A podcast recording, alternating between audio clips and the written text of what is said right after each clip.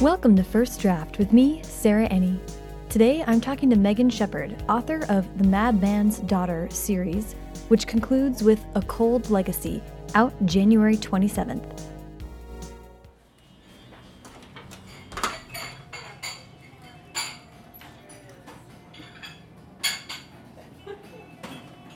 Megan was one of the many incredible authors I got to meet while visiting Asheville, North Carolina.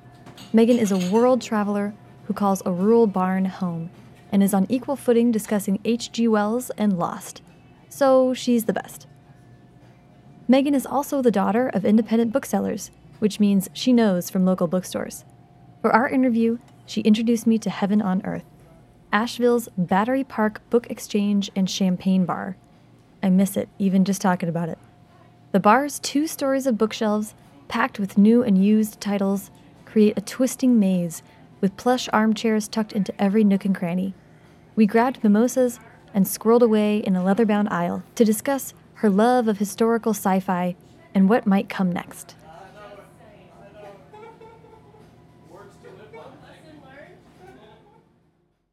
Um, so, hi, how are you? Good, I'm doing well. Awesome. Thanks for meeting. Yeah, we're um, excited to be here. Yeah, we're at this amazing used bookstore champagne bar, which is I don't know, like maybe the best combination I've ever yes. heard in my life. Two of the best things. Although I think my dad is the only one who comes here for the books. Really? I think everyone else comes for the champagne. It's true. The books are beautiful. yes. I did not see so much book buying happening. No.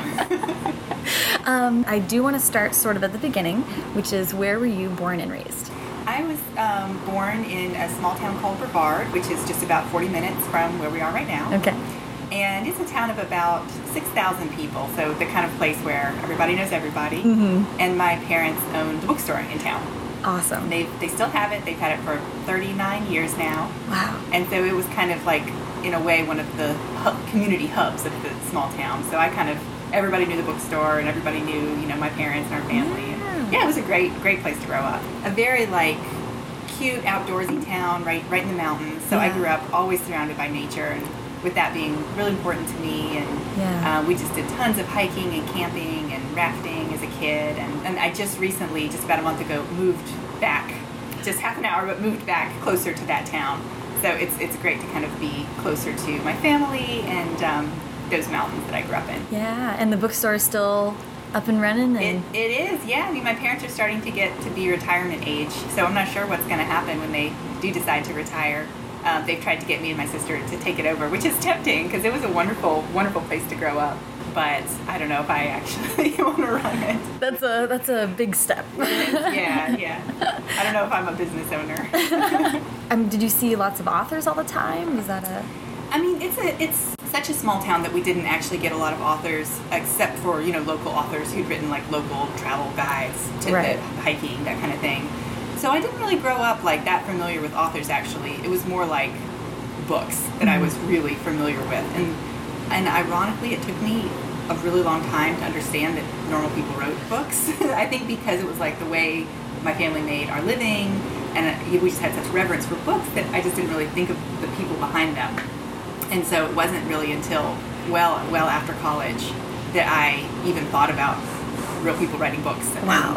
You know, and uh, and that I might be able to do that. You so you, there was not that many authors, but do you, do you have any sense of like publishing? I mean, you are on like the business end then. Um, yeah, I would say not necessarily with the publishing. Although when I worked in in DC in Washington DC, I worked for a publisher there, so that's uh -huh. I did get a little bit of behind the scenes knowledge from that. But um, it's more helped me now to understand the booksellers position and especially being an independent bookseller mm -hmm. i kind of understand a little bit more why those places are so important and why they're so special and the challenges that they face yeah. and i think as authors so often we're just kind of caught between the publishers and you know amazon and big box sellers and, yeah. and the independents and it's just kind of helped me to see the different perspectives yeah um, you were a bookseller, right? You worked at the store a little bit? Yeah, I did. I mean, from the time I was, you know, like my first job was dusting the books yeah. and alphabetizing yeah. when I was like five. And then, um, you know, my sister and I, we were when we were young, we were always in charge of doing inventory, which was just counting the books. Yeah. And that actually was a thrill because you went through every single book in the Wow. store, and that kind of helped me understand like what a huge variety there is in literature. And then, you know, when I was in high school and college, I worked just as a regular employee as a cashier and loved it and just got to be so familiar with, you know, customers and book buying habits and Right. you know, what people bought and I think that's like an insight that you can't. That's uh, invaluable, Mm-hmm. really. yeah, whenever I travel, I always try to stop in to independent bookstores and introduce myself. And you know, partly I just like to visit bookstores. That's true. it's a nice the job smell. because it's a good excuse just to go visit bookstores. just about, gosh, it was like three weeks ago or four weeks ago. I was able to get some of the local authors to do a panel at my parents' store. Cool. And it was Beth Revis and Meg Spooner and Jessica Corey, who's in South Carolina. And the four of us did a panel. And it was the first time, because Brevard is, is almost kind of a retirement community, there's not a lot of young adults, Mm-hmm. readers there. So it was the first time my parents had really done a YA event. Cool. And we had such a good turnout. And it just meant so much to me to be looking out over this store that I had spent my life in with my author friends, you know, Yeah. authors I really admire. Oh my gosh. And the support of the community. It was just such a wonderful, wonderful experience. That's so cool. Yeah. Where did you go to school? I went to Chapel Hill. When I was, you know, maybe a high schooler, my whole goal was just to see the world. Yeah. I loved Brevard, but it was a small town. I just wanted to get out and see new mm-hmm. cultures, and I loved studying languages, and I just thought I wanted to spend my life living overseas. And so I did that for about 10 years. And I went to Chapel Hill because they had so many study abroad programs. Nice. And so I was able to study abroad, you know, a lot, and, and for the same price as going to school. So, you know, I was Right. trying to do it in a way that was affordable. And Right. yes, I majored in international studies and Spanish Wow. and studied abroad in Spain and Scotland. And then after that, worked overseas as a nanny and, and then eventually joined the Peace Corps. Wow. Where did, where did you work as a nanny? I was in Luxembourg, and the family was a, a very wealthy family, and um, they had a, a vacation home in Switzerland. It was a Swiss chalet in the Alps. Wow. And so they, they took me with them Yeah. for a month.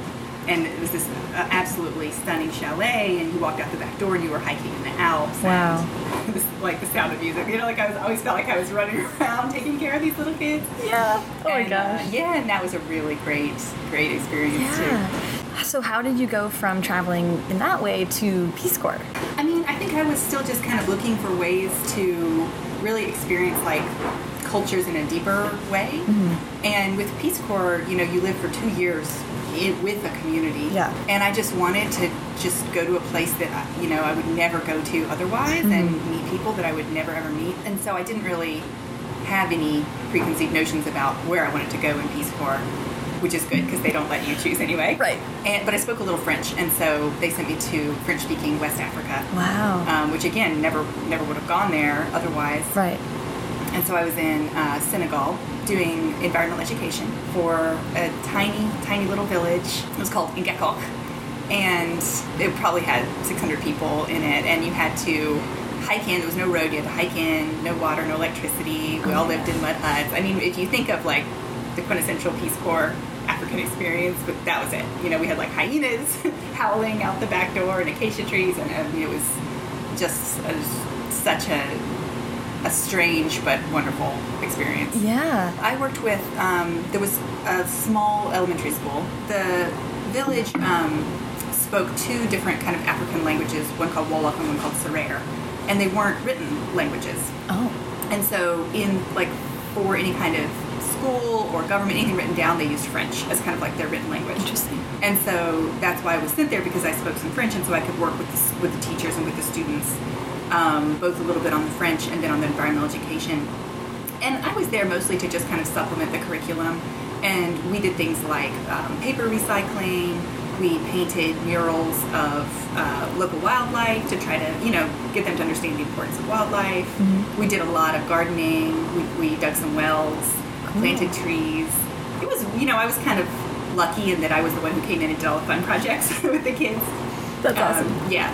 Cool. Yeah, I, I read fun. that you also helped with fair, what fairy tales or like like- Yeah, and that's that's actually how I really did get the idea to be a writer and kind of get more exposed to storytelling because the school, um, you know, I mentioned that there was nothing in their their language because their language wasn't a written language. Um, and so when I saw their library, their library was just a handful of donated books from France, and it was European fairy tales. And you know, I mean, these kids were reading books about Parisian children. It just didn't relate to their lives at all. Yeah. And so they never read the books, you know. Yeah. And another volunteer and I in a neighboring town decided that we had we'd been there long enough that we'd heard a lot of the local oral folk tales from the village, and we decided that we would transcribe those and um, you know translate them into French so they could be written.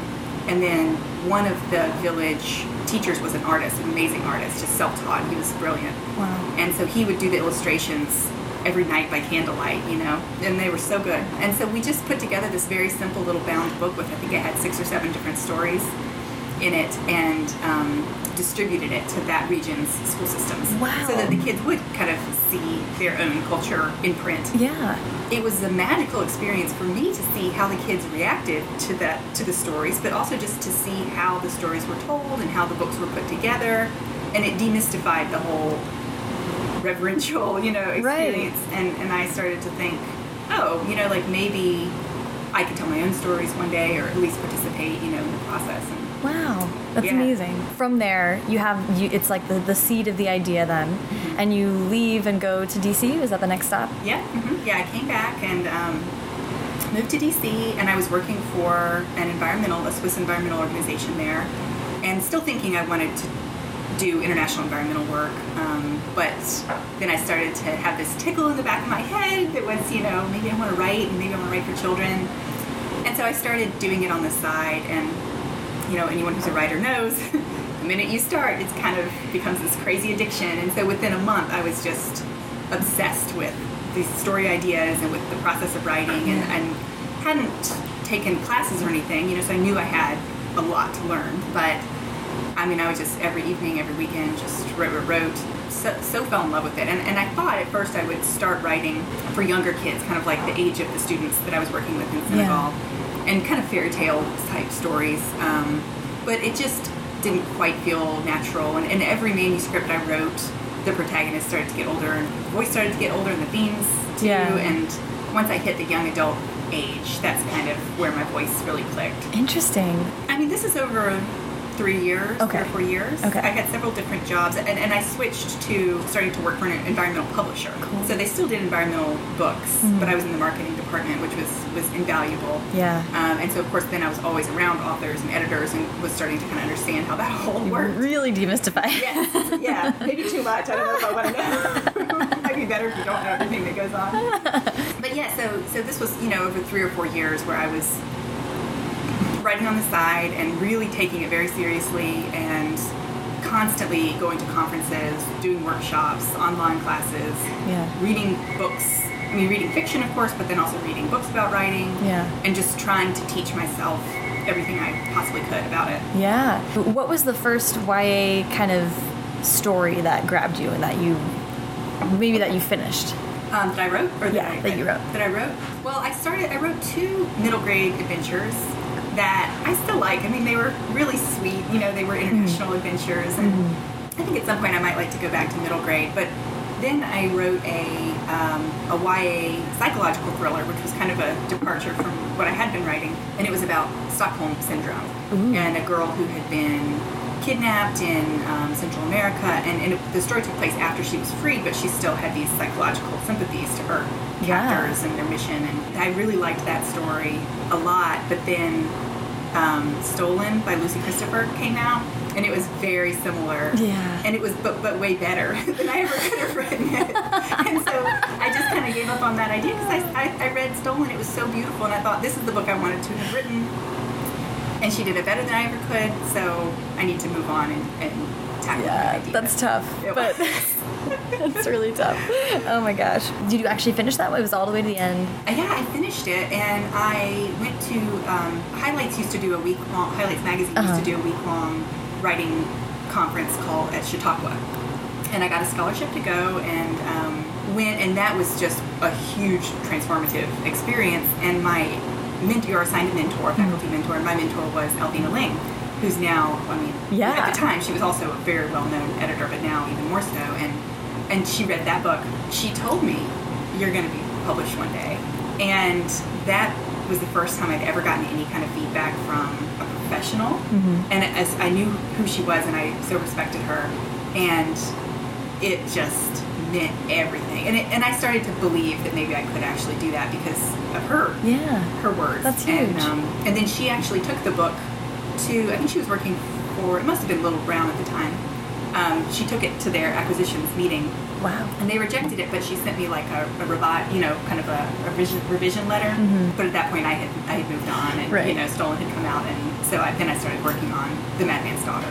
So that was the next book, one. yeah. Wow. But I still, um, still, I still think back on her, and just I'm so thankful that she kind of made me believe in myself. Yeah, that's humongous. It's incredible how supportive and small the young adult. It really is. Yeah. It really is. Um, then we're at Madman's Daughter, which, um, just for anyone that doesn't know, maybe you can give a little spin on the on the series. Yeah, it's a, it's a trilogy, and they're all gothic thrillers, and they're based on different um, science fiction classics. So the first one is based on um, a science fiction classic by H.G. Wells called The Island of Dr. Moreau, which a lot of people are familiar with H.G. Wells, but not so much Moreau. Right. So I think that caught a lot of people's attention. Um, and then the second one is inspired by Jekyll and Hyde, and the third one by Frankenstein. So they've all kind of got that, you know, dark, scientific, Victorian experimentation theme throughout them. This is one thing I was wondering if a growing up in a bookstore did sort of. I mean, these are un, like you said, a little unusual stories to draw upon and, and retell in the way that you're telling them. And I wonder if growing up in a bookstore influenced that in any way. Well, it did, just in the sense that I was exposed to so much variety of books when I was little, and I read a lot of the classics. Because when I was a young adult, the young adult genre wasn't as nearly as big as it was now. Right. And so I read like, remember those Fear Street books? Yes. those like really cheesy. Oh my I just gosh. love those, and Yeah. I devoured those. And then I was reading the classics, so I kind of had this like weird balance and. And, um, and my parents also collected like his, like old antique books of the classics. So we had a lot of those in my house too. So I would read those. Yeah. And that is kind of how I started reading a lot of H.G. Wells and Yeah. and Robert Louis Stevenson.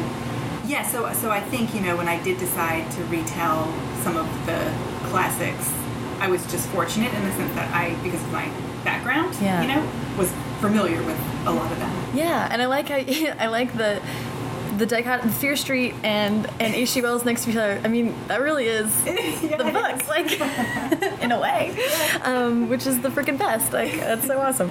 So I did want to talk about the other inspiration that I've read that that um, Lost. Yes.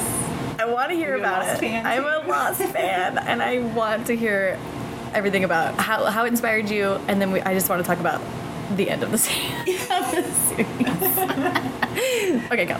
Well, I loved that show. I mean, loved it. And I think it's because I always did want to travel, you know, and I was so intrigued by exotic places. And the first place I ever studied abroad was Costa Rica when I was 16. Yeah. And just that the beaches and the jungle, I just loved it. And, and of mm-hmm. course, I've always been interested in that sense of mystery and paranormal. I like it when paranormal is just hinted at, you know, it's not necessarily so in your face. Right. And so I fell in love with Lost, and, and the characterization in that show is so brilliant. And so when it went off the air, I really missed that, you know. And I thought, well, I'm a storyteller. Maybe I'll set something on a mysterious island. And I thought I might do a historical fiction, just to, just you know, to really have it be different. And Yeah. maybe there'll be a mad scientist and monsters on the island. And I realized I was describing um, the island of Dr. Moreau, which I had read when I was young. And so I kind of gave up on on idea at that point, but then went went back and read reread the Island of just for fun. Mm-hmm. And that's when I realized it's a really it's a novella. Mm-hmm. There's so much room to tell a different version of the events and set it from a new perspective. And but yeah, I mean, I tried to put in some little nods to Lost. Um, I had one of Moreau's creations was a polar bear in the first draft. But That's that awesome. cut. I know. that was my little nod to Lost. I love it. Um, I don't know. That show just so captured so many people's imaginations. it did. Like I think I think you're right. Like the, the characterization, I would t- recommend to anybody to go back and watch the first t- at least 2 seasons, just to see how they make you care about and how they develop. Oh my gosh! I mean, everyone has a surprise, and everyone is just twisted, and it's just so amazing. Um, You know, and I'm I'm writing this new series now. Yeah. It's a science fiction series called The Cage, and I mean, it couldn't be more different, you know. But as, as I was writing it, I wrote it and I went back and reread it, and I realized it is so heavily inspired by Lost too. Ah, that's awesome. Unintentionally, but it has that characterization where it's six teenagers. They're from all over the world. They're thrown together, and it doesn't exactly flashback, but it goes into each of their heads, and you see Uh-huh. their very unique perspective that they're bringing to it. And I thought, I think I got that from Lost too. I love that though. That's so. I mean, it's just a great way to tell stories, and I'm really interested to see how that translates to the book because Lost is very effective because they used visuals yeah, in such a genius way, Yeah. um, and it's just equally satisfying in book form, but it has to be handled a little differently. I'm excited to hear about that. Okay, and the rights for Madman's Daughter, um, the Madman's Daughter movie, have been sold. Yes. Yes. And the script written The or script is written. Oh yeah, it happened just after the book deal, just shortly after, and um, I, you know, I knew that I knew that my agent had given it to our film agent, Mm-hmm. who had shopped it around, but I hadn't really heard anything since then. And then I got an email, random email from a producer at Paramount Pictures. Oh my gosh. and just raving about it and I just fell on my floor. I was so stunned I actually just like fell on the floor crying, just screaming, you know. Oh I mean it was just one of those moments. Yeah. But um, they've been so wonderful to work with. The, the production studio is called Fake Empire. It's with Paramount. And um, the producer flew in for my book launch. I had my book launch with Madman's Daughter at my parents' bookstore. She flew across the country to surprise me and showed up. So I got to meet her in person. Wow. They they have the script finished and they let me read it. And it's very it stays very true to the book. It's Cool. really good. Cool. Um, and they they have a leading lady. Attached, Do they? Um, which I can't say. Okay. Yet. Uh, and I think at this point they're looking for a director. So that's kind of the last I've heard. is that Okay. That's the next step. So That's so exciting. yeah, I mean, it's the chances of these things being actually made are always kind of slim, but they're really they're they're you know They're trying. along and they're really trying. That's awesome. So yeah. As a big TV and movie fan, I mean, what do you? What are your feelings about it? Are you are you nervous? Are you? Well, it helps having read the script, you know, and I really did like the script a lot. But the way I always think of it is what I have created is the book, and nothing will ever change what's written on this page. Mm-hmm. Yeah. And so if they make the movie, if it turns out wildly different, that's okay because that's kind of that's their thing, Yeah. you know, and it doesn't change what I originally wrote. Yeah. Um, but that said, you know, the script does stay very true, and talking to them a little bit about their their vision and the mood of the movie. Right. Because I was going to say. on par with how I would have Yeah. created it. Because you did create something that has so much atmosphere and it's really got a, a vibe, it's got a tone. And so I guess reading the script is a, assuring that they kind of got that. Yeah. But the visual element is going to be so. It's Yeah. like endless possibilities for I know. I'm so, and, and I know one of the components of looking for a director was um, they had different directors storyboard out kind of their vision, and I haven't had a chance to see those yet. I don't know if I will, but I'm very curious to see kind of how the different directors would take it in different directions. Ooh, so interesting. Well, that is so exciting. I will be looking out for news on that. The Madman's Daughter, I do just want to talk about. I love how how you're bringing in the old, uh, you know, very unique way to do retelling in a series. Like that sounds like maybe the hardest thing in the world to think about doing. Um, but how was it to to know the story that you're sort of working within the context of, but to stay true to your story at the same time? Did you ever feel overwhelmed by the Jekyll and Hyde or the H.G. Wells? I, I felt like the most important thing was to tell a really compelling story. And so at some point I did have to break away from ties to the original books, Mm-hmm. you know. Um, and Madman's Daughter, that one is, is the closest of the retellings, Mm-hmm. you know, and because it was it was intended to just be a single book, and Oh, it yeah. only came later that I decided to make it into a trilogy. And um, I, I did a lot of research on H.G. Wells. I read a lot of analysis about his political beliefs and you know social commentary and, and why he wrote the book. And so I felt like you know even though a lot of I, I obviously changed a lot of the facts in the book, I was just really trying to stay true to his overall intention of writing the book Interesting. and I hope I achieved that. Um, but yeah, I, I mean, I did feel like you know, uh, uh, this is this is my story, you know, and it's um, the main character. It's her story, and she's a new character, and so I really wanted to take what H.G. Wells had created and not necessarily um, write anything would contradict that, but that would kind of enhance that. Yeah. So like the Moreau, the Dr. Moreau character in The Island of Dr. Moreau, um, you know, you just see him as this horrible mad scientist, which is incredibly scary and compelling. Yeah. But then in The Madman's Daughter, he's also a father. And so I just wanted to kind of bring a little more dimension into some of these characters and show them in a different light. And that was, it was, it was fun. It was, um, I'd never tried a retelling before. So it took a lot of experimentation to kind of find the right balance. Yeah. And then in the in the farther ones, I mean, Jekyll and Hyde. You're right that the island, I think, of Dr. Moreau is a little bit less on people's radar. Mm-hmm. But then you are dealing with Frankenstein and Jekyll and Hyde. Like people have very, I, I would imagine, very strong reactions to those stories and ties to the stories. So how did you, how did you separate yourself from those stories? Well, I kind of had to in a sense because they they couldn't be strict retellings because they were a continuation of Juliet Moreau's story, Right. you know, and um, in a sense I had to just take kind of more the themes of those stories, Mm-hmm. the themes and the science used in those other two stories, Right. and and I put in some characters and I put in some plot elements, but I would say they were more, you know, inspired by the Yeah. actual retellings, and and like I say, I hadn't intended on writing the second and third book. It was when I sold it, when I submitted it to my agent. He said the ending's kind of open. I'd love to know what happens next for Juliet. You know, would you consider turning this into a trilogy? And that's what the publisher wanted too. So Ah. I said sure, but I didn't know how I was going to do that because you know, The Madman's Daughter ends where The Island of Dr. Moreau ends Right. and I didn't really feel like I had the right to extend what H, you know, to kind of guess what H.G. Wells would have done next. Right. Um, so that's when I had the idea. Well, maybe I'll just have it be inspired by a different classic, kind of with similar themes. Yeah. And that, and it, I thought that was going to be the biggest challenge in the series was how to weave these very different books together. Right. And that was actually the easiest part because they do have so, so many similarities. Yeah.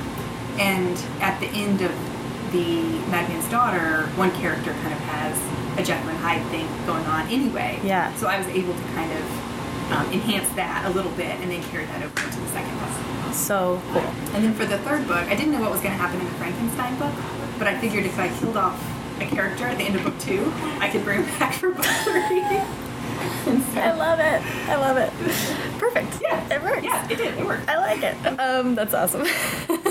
um, the just to go back a little bit, I'm so interested in what you said about um, researching H.G. Wells and his politics, and because um, I also read, but um, you that you um, you know, in going back to reread The Island of Dr. Moreau, there's no female characters, Right. so you wanted to bring a female voice to it. How does that? How did that also play into his politics and social commentary?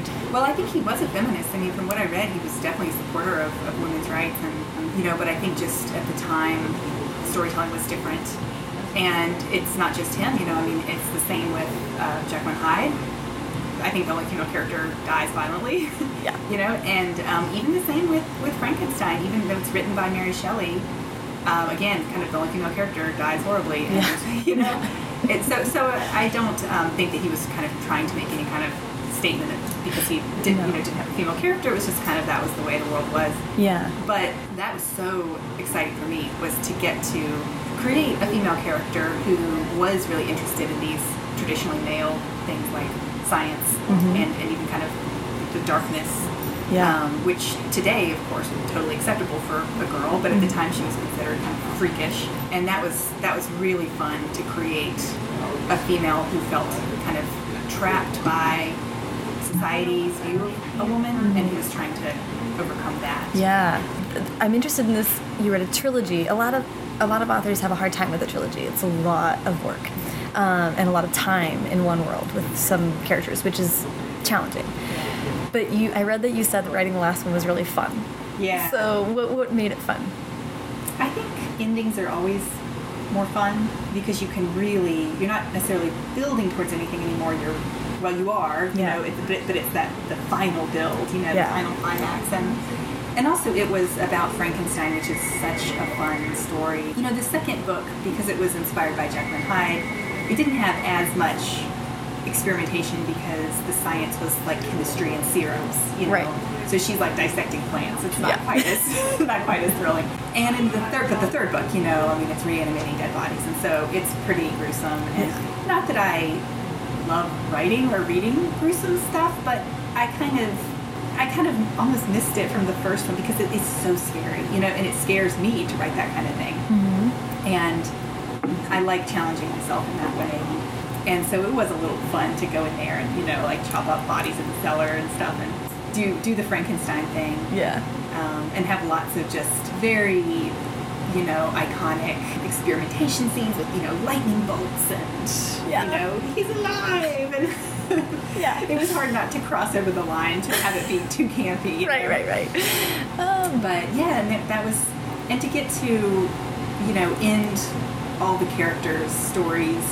Some of them have happy endings and some of them don't. right. Uh, but that was very satisfying to, to bring the world with the story to it to an end. Yeah, that's so cool. Yeah. Um, well, I'm glad it was fun for you. I think some people have been like it- like pulling teeth by book three, but um, that's that sounds awesome. Um, the okay, and you did you already brought up uh, the Cage, the new trilogy, Yeah. which is so exciting. It's different, but it's also not kind of. Yeah, it's. I mean, it's the story of these these six teenagers who are taken by an otherworldly species called the Kindred and um, put in a human zoo, which is kind of a biosphere. It's got all the all of the world's habitats and time periods and cultures kind of mashed up together. Interesting. And they have to figure out, you know, why they're why they've been taken and how they get home and if home's even still there. Yeah. And plus, the aliens are kind of cute. There's maybe a little interspecies romance. but um, but yeah, I mean, it is in a sense. It sounds so different from the Madman's Daughter series, but I would say there's still a lot of the themes are the same as far as man versus animal. You know, Yeah. the fact that they're in a human zoo that comes up a lot. Madness is a Yeah. huge theme. You know, isolation. Um, a lot of just the same. You know, YA themes of coming of age and, and like finding yourself and finding your mission. Yeah. And then, of course, there's a lot of um, there's some thriller aspects, there's some romance aspects, mystery. So yeah, and and there's one of the habitats is a jungle, so there's still a little running through the jungle. Awesome. Awesome. Gotta have that. Gotta Yeah. throw that in there. Yeah. Um, yeah, I do love that it's so like um, I enjoy looking at authors and seeing themes through their work, and sometimes it's harder to tell. and it's like I think I'm getting a, a sense of what uh, what creatively like gets you going, which is awesome. And I was curious about whether it's a so it sounds like it's a modern voice. This this um, new Yeah, I mean, even though you know, I guess technically it's sci-fi, but it, it takes the kids are taken from the current world, you know, so it's contemporary, just set in a different place. Yeah, yeah. Very Um, extraterrestrial place. that's awesome. When is it coming out in 2018? Um, summer 2015. Summer. We don't have a date yet. Okay. Uh, Cold Legacy is January January 27th. 27th. Okay, perfect. So yeah, two books coming out next year. I'm really excited. So exciting. Yeah. And you've, I mean, you've had like six books under contract for like years. Yes. Two years or something. I've kind of started ideas for a new series, and it's been a long time since I've had the freedom to think about what comes next and kind Yeah. of new ideas. And that's my absolute favorite part of writing is the brainstorming. And Cool. so um, it's been very renewing and energizing. yeah. What are, what are, um, when you think about new ideas and things like that, do, um, you know, what are things that spark ideas for you? Do, the setting come first? Is it a plot line? Yeah, I, my books tend to be more setting or atmosphere driven, I think, than character driven. I, I mm-hmm. mean, I love writing characters, but it's usually a situation first, and then I populate it with mm-hmm. characters. Mm-hmm. But yeah, I just I love books that maybe take place in a unique or you know unique setting, like that international scope. Yeah. I do love books that have just a little hint of supernatural, you know, just a hint of magic, something Yeah. like that. Yeah, like a lot of diversity of, of characters or ideas. Yeah. So what when you're looking at new ideas too, is it all YA or do you, are you thinking of maybe expanding? I'm open to anything, mm-hmm. but I would say 99% of the ideas I have are YA. Yeah. Ideas just because I love the tone of why I love how YAs are so fast paced. Yeah. You can do things and then you can't do in adult fiction. You can blend genres, which I love doing. Yeah. And in adult fiction, I feel like sometimes, depending on what you write, you have to. It has to kind of fit into the sci-fi Mm-hmm. style or the romance style. I just love how innovative you can be in YA, and um, it's hard. I actually don't love writing teenage protagonists just because they have so many obstacles. Parents, school. It's hard to. It's hard for your character to kind of be their own person. Right. You know, in a society where teenagers don't have a lot. Right. So you have to kind of find creative ways to have them, you know, um, still be really active characters. But I like I like that point in life where you're going through a big change, and it doesn't have to be in your teenage years, but it usually is. Yeah. And I think everybody can relate to that. Oh yeah. yeah. Um, but yeah, I mean, I think I think I would love to go back to middle grade. I would love to do an adult at some point, but I just write the idea that comes first, and so far that's been YA. Yeah, that's awesome. Um, okay, I do want to talk to a little bit about about more about place and um, and where you live and work. You're sort of you're from here. You've been all over the world. You came back here. What do you find inspiring about this part of North Carolina? I really like the idea of places that are kind of cut off and, and isolated in a sense, and of course surrounded by nature. That's a huge, huge interest of mine. Yeah. But sometimes I travel to other parts of the country where things are a little more homogenous, maybe, or um, I just feel like this part of the country has so much personality. And, and Asheville itself is such a wonderful town because it still has held on to so much of its um, architecture, kind of from the 20s, and I love that time period. Yeah. You know, F. Scott Fitzgerald lived here for a while, and Zelda Fitzgerald died here. And um, I didn't know that. yeah. What? And so we've got these great historic places like the Biltmore House, which is so Oh, yeah. inspiring, and the Grove Park Inn. Hmm. And I'm such a history buff. I, I love the atmosphere of history more than anything, and so I just love going to these places and thinking back on all the people that have been there. Yeah, that's so cool. Because yeah, like in all my notes, it's like Asheville. What's in the water? Like there's so many. Um, there's so many YA writers specifically, but there's so many just artists and, and people creating. It's true, and people really want to be here. That's another thing. You know, you do get a lot of people who maybe didn't grow up around here, but they come here because they see the value in it, and so people really want to be here. They didn't just end up here by default. Yeah. People tend to be a little more satisfied, a little more adventurous. Yeah. I think, and yeah, I, I used to live on the street right in town, and when I quit my, I used to work for the city of Asheville, and when I quit my job to write full time, um, I worked from home, you know, and I started kind of going out for walks every day and realizing that everyone on my street also worked from home because everyone was an artist. And, you know, we lived across the street from a, a painter and from a woodworker Wow. and, and metal worker. I mean, and a weaver, you know, Wow. it's just, it's, That's it is so cool. a very crafty kind of place. Yeah, that's so awesome. I like that. At the coffee shop with your coworkers, basically. Yeah. Um, that's so funny. And so, I mean, the result is that you have a great community of writers too. What's the interaction like with all the writers, YA writers that live nearby? here in Mm-hmm. Asheville. It's amazing. I mean, um, I had Stephanie Perkins and Alexandra Duncan over to my house last night with their husbands, and we Aw. played card games, and I mean, it's so much fun. You know, I consider them friends now, which I feel so fortunate because when I first moved here, you know, I was aware of them and they were already published, and I just had so much respect for them. And Yeah. they're amazing writers, but they're also really fun, sweet people Yeah.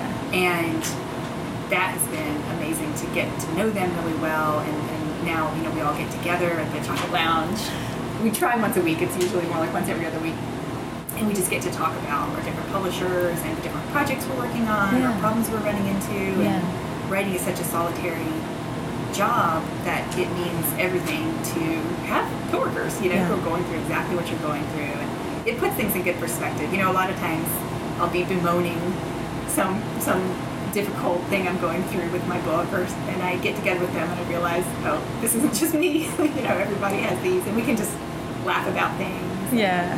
And the other thing is the at the amazing um, Malaprops bookstore. Yeah. How does I mean you of all people understand what it's like to have an independent bookstore like support you? I mean, how does it feel to be in a town where there's such an active, fierce like energy about the independent bookstore? It is. It's amazing. And Malaprops is mean, hands down one of the best, if not the best, independent bookstore um, in the country, I think. And I wrote a lot of my books there in the coffee shop, Cool. and I have you know met there with different writing groups, and it's more than just a bookstore. You know, it's Mhm. really a literary center of town. Yeah. They've always been so supportive too of, of all of their Yeah. authors and just so many events. Yeah, Like every day They always have stuff going on. It's crazy. Yeah, so it, I feel really proud to live in a town that absolutely supports the bookstores. Yeah, that's sadly un- uncommon, but but uh, when it's when it's there, it's like like uh, visceral. Yeah. Um, so I would love to hear Ben from you. kind of advice on two tiers, like maybe advice that you would give to people who are starting out writing, but also advice on maybe things that you've learned after having a, a couple books out. Um, what are some things that you've learned through that process? Interesting. I guess I guess kind of for the people starting out, I would say um, this is advice that I got once that was focus on the book not getting published, you know. Yeah. And I think whoever told me that phrased it a lot more eloquently, you know. um, but it's, I think they said something like, it's not hard to get published, it's hard to write a great book.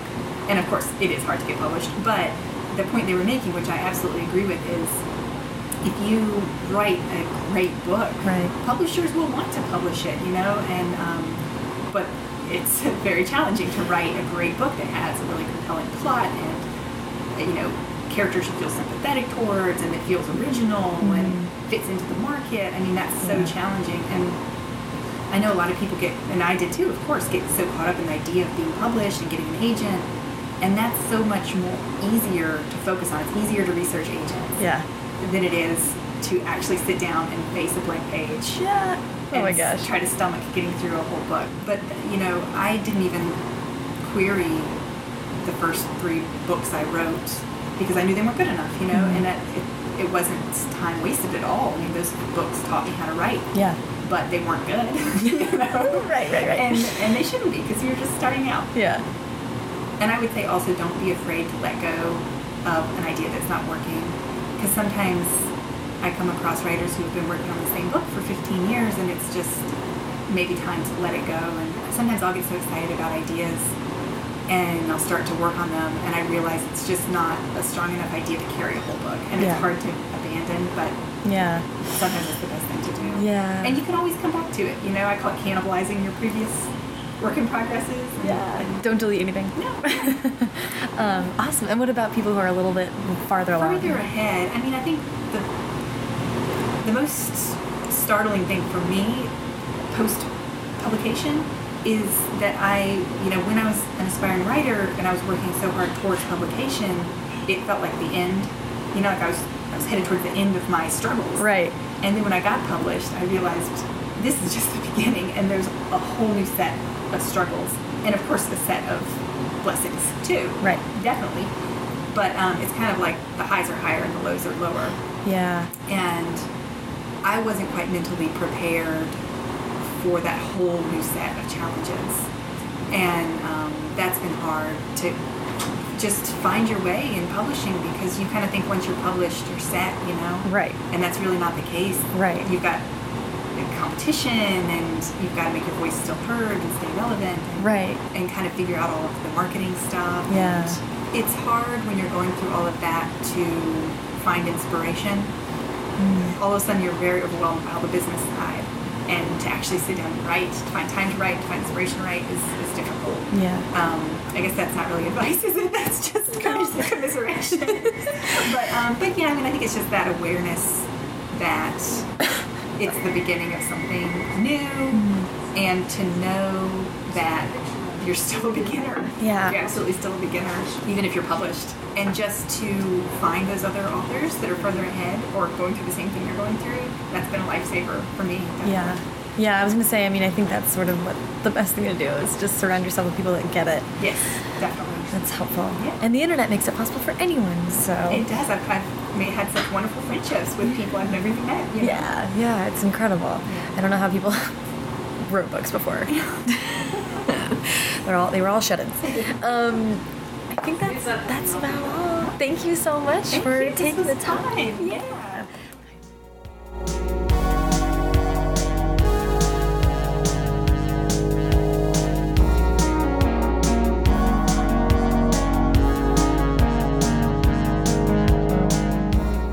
Thanks so much to Megan.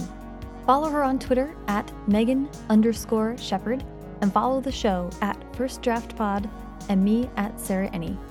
You can find the show on Facebook and Instagram too, but to grab awesome gear like First Draft tote bags and art prints, visit www.firstdraftpod.com.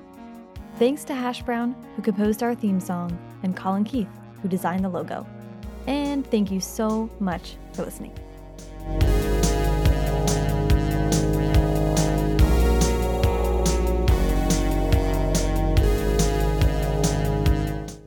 Sawyer or Jack? Sawyer. Thank you. Definitely. Thank you. Oh my god. Only correct answer. Yes.